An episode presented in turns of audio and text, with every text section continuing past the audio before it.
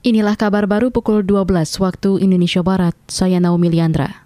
Pakar bidang opini publik dan partai politik dari Universitas Muhammadiyah Yogyakarta UMY Tulus Warsito menilai rencana pemerintah menaikkan tarif masuk Candi Borobudur mengabaikan psikologi politik masyarakat. Kata dia, wacana itu berkaitan dengan etika politis karena memunculkan kontroversi di tengah masyarakat. Dilihat itu namanya adalah psikologi politik kebijakan itu kebangetan. Boleh aja pemerintah itu nutup aja nggak boleh. Tapi kan orang atau masyarakat itu punya punya tanggapan sedemikian rupa ini namanya psikologi politiknya di sini. Nah kalau ini nggak diperhatikan namanya itu menyepelekan psikologi politik kebijakan umum. Gitu.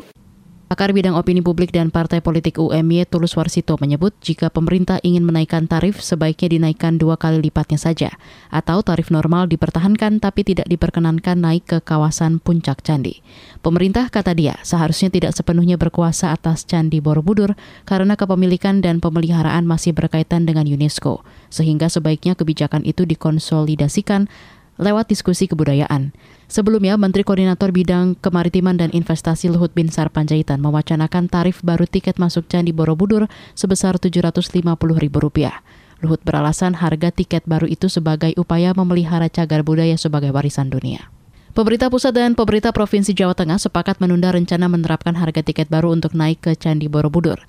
Menurut Gubernur Jawa Tengah, Ganjar Pranowo, penetapan harga tiket naik ke area stupa Candi Borobudur akan dikaji lagi bersama PT Taman Wisata Candi atau TWC Borobudur dan Balai Konservasi Borobudur. Tadi Pak Menteri sudah menyampaikan, Pak itu kita pospon dulu ini biar tidak terjadi cerita yang ke mana-mana. Karena itu memang setelah putusan itu TWC pun menyampaikan kami akan tidak lanjuti berikutnya dengan balai. Gubernur Jawa Tengah Ganjar Pranowo menambahkan saat ini pemerintah masih memperlakukan pembatasan kuota hingga ditemukannya skema terbaik untuk mengatur wisatawan di lokasi itu. Pembatasan, kata dia, guna melindungi struktur bangunan Candi Borobudur yang saat ini tengah mengalami penurunan dan pengikisan karena faktor alam dan manusia. Duta Besar Rusia untuk Perserikatan Bangsa-Bangsa PBB Vasily Nebenzia memboikot rapat Dewan Keamanan lantaran tersinggung dengan pernyataan Presiden Dewan Eropa soal invasinya ke Ukraina.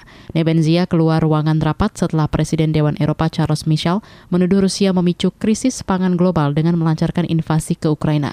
Michel juga menuduh pasukan Rusia melakukan kejahatan perang dengan menggunakan pasokan makanan sebagai rudal siluman terhadap negara-negara berkembang.